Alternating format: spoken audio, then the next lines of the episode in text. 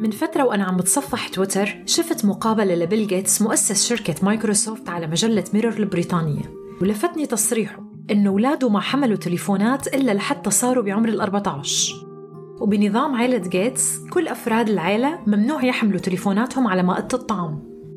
طبعا تكلفة الموبايل مو عائق لواحد من أكثر أغنياء العالم. ومثل ما توقعته بيل جيتس أبو التكنولوجيا ما أخذ هالقرار لو ما في سبب مهم وخطير. إذا عم تسمعنا وعندك طفل أو مراهق عزيز عليك ومهتم لأمره يا ريت تطلب منه إيقاف استخدام الموبايل وتسمعوا كمالة الحلقة لتعرفوا عواقب الاستخدام الطويل للموبايل وبالأخص ال social media. وكالعادة بودكاست نفسه مايك بيعرض المشكلة والطرق العلمية لحلها. أهلا وسهلا فيكم بحلقة جديدة من نفسه مايك. معي أنا أماني الحاج علي. يلي خلاني أعمل حلقة خاصة عن الاستخدام الطويل للموبايل عند الأطفال والمراهقين هو إنه النسبة العظمى منهم حاملين تليفونات وعم يستخدموه لفترة طويلة. بحسب استطلاع تم نشره على صحيفة نيويورك تايمز الأطفال والمراهقين عم يستخدموا تليفوناتهم لفترة بتتراوح بين الخمس والسبع ساعات يومياً. طبعا يمكن بعض الأهالي يقولوا طيب ابني قدام عيني وعم يقضي وقت يستمتع فيه على ال social media. وإذا ما قضى هالوقت على ال social media فشو ممكن يعمل؟ هي نحن الكبار عم نستخدم ال social media وعين الله علينا.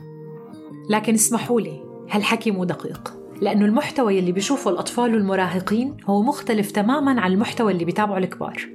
من المعروف أنه جميع برامج ال social media قائمة على فكرة زيادة وقت الاستخدام وهي المصدر الرئيسي للربح عندهم. واستثمروا بمليارات الدولارات واستعانوا بأفضل خبراء علم النفس لزيادة هالوقت من دون أي مراعاة للأضرار اللي بتنتج عن هالموضوع. تيك توك مثلا انشهر بكمية التحديات المختلفة يلي ببلش فيها حدا وبيدعو أصدقائه ومتابعينه يقوموا بنفس التحدي. مثلا تحدي الملح والثلج على الجسم يلي ممكن يؤدي للإصابة بحروق على البشرة وهالحروق ممكن تكون بدرجات مختلفة حسب نوع البشرة وأخطر من هيك تحدي خنق النفس لفترة معينة يلي بينتهي بفقدان الوعي يلي للأسف انتهى بموت عدة أطفال. فلما الأطفال والمراهقين شافوا أنه حدا عمله وما ترك أثر عليه فمن دون ما يكون عندهم أي تقديرات للمخاطر المرتبطة بهالتحدي بيتوقعوا أنه هن كمان لازم يقوموا فيه وبالتالي يعرضوا حالهم للمخاطر المرتبطة بهالتحدي. كمان في المحتوى اللي بينشروا المؤثرين. كيف كان يومهم؟ شو عملوا نشاطات خلال اليوم؟ ممكن يكونوا عم يغنوا أو يرقصوا. وهون بدي نوه على البنات. وخصوصا لما المؤثرات عم يصوروا شكلهم وجسمهم بشكل مثالي وخالي من العيوب. هون البنات من عمرهم بصيروا يحاولوا يكونوا مثلهم وبينخلق عندهم نظرة سلبية عن جسمهم أو ما يسمى بالبودي شيمينج أنا أقصر أو أنا أسمن وهون بيدخلوا باضطرابات بتأثر على أكلهم وعلى صحتهم النفسية. هي كانت أمثلة عن المحتوى ولكن الوقت الطويل بحد ذاته مشكلة. فكيف لطفل عم يقضي ساعات وهو عم يشوف ألوان وسفر وفيديوهات وطبخ وتحديات إنه يقدر يرجع يركز لفترة جيدة وما يكون مشتت؟ أنا تحديداً عم أحكي عن التركيز هون لأنه هو جوهر عملية التعليم وخصوصاً بالمستقبل. وحكيت بالتفصيل عن هالموضوع بحلقة القراءة كقوة خارقة في زمن الحرب وشات جي بي تي وفيكم تقدروا ترجعوا تسمعوها.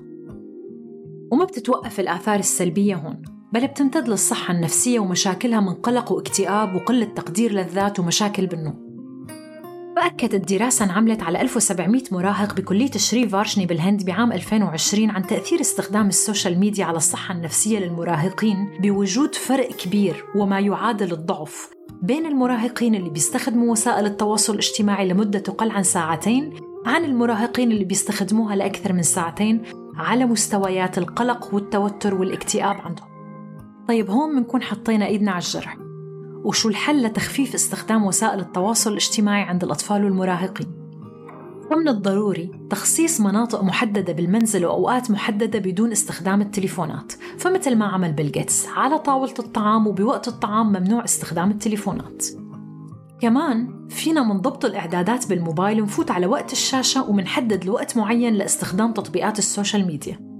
وكتير مهم إنه الطفل يحكي براحة عن تجاربه على الإنترنت ومخاوفه وشو هي التحديات اللي بتواجهه. ومن الضروري تشجيع الطفل على لعب الرياضة أو حتى إنه يلعب ليجو أو يرسم أو يلون أو يقرأ أو حتى يكتب.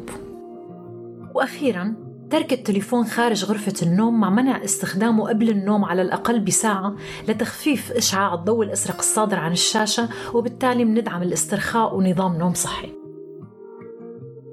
بالنهاية الأطفال بيتحفزوا وبيتشجعوا لما منكافئهم على تصرفاتهم. والإدارة الجيدة لكل التطبيقات يلي بيستخدموها رح تدعم تركيز أكبر وصحة نفسية أفضل. لأنه هم الأساس ليركزوا أكثر على أهدافهم بالحياة ويكونوا فعالين وقادرين يطوروا حلول للمشاكل اللي ممكن تواجههم. شكرا لكم مستمعينا ولا تنسوا مشاركة الحلقة مع المعارف والأصدقاء لتعم المعرفة. وفيكم كمان تشاركونا آرائكم وتعليقاتكم على منصات البودكاست المختلفة وعلى صفحات ال social media تويتر يوتيوب إنستغرام @نفسان مايك وفيكم كمان تكتبوا على إيميل البودكاست نفسان مايك at gmail.com وكل المراجع العلمية موجودة بموضوع الحلقة.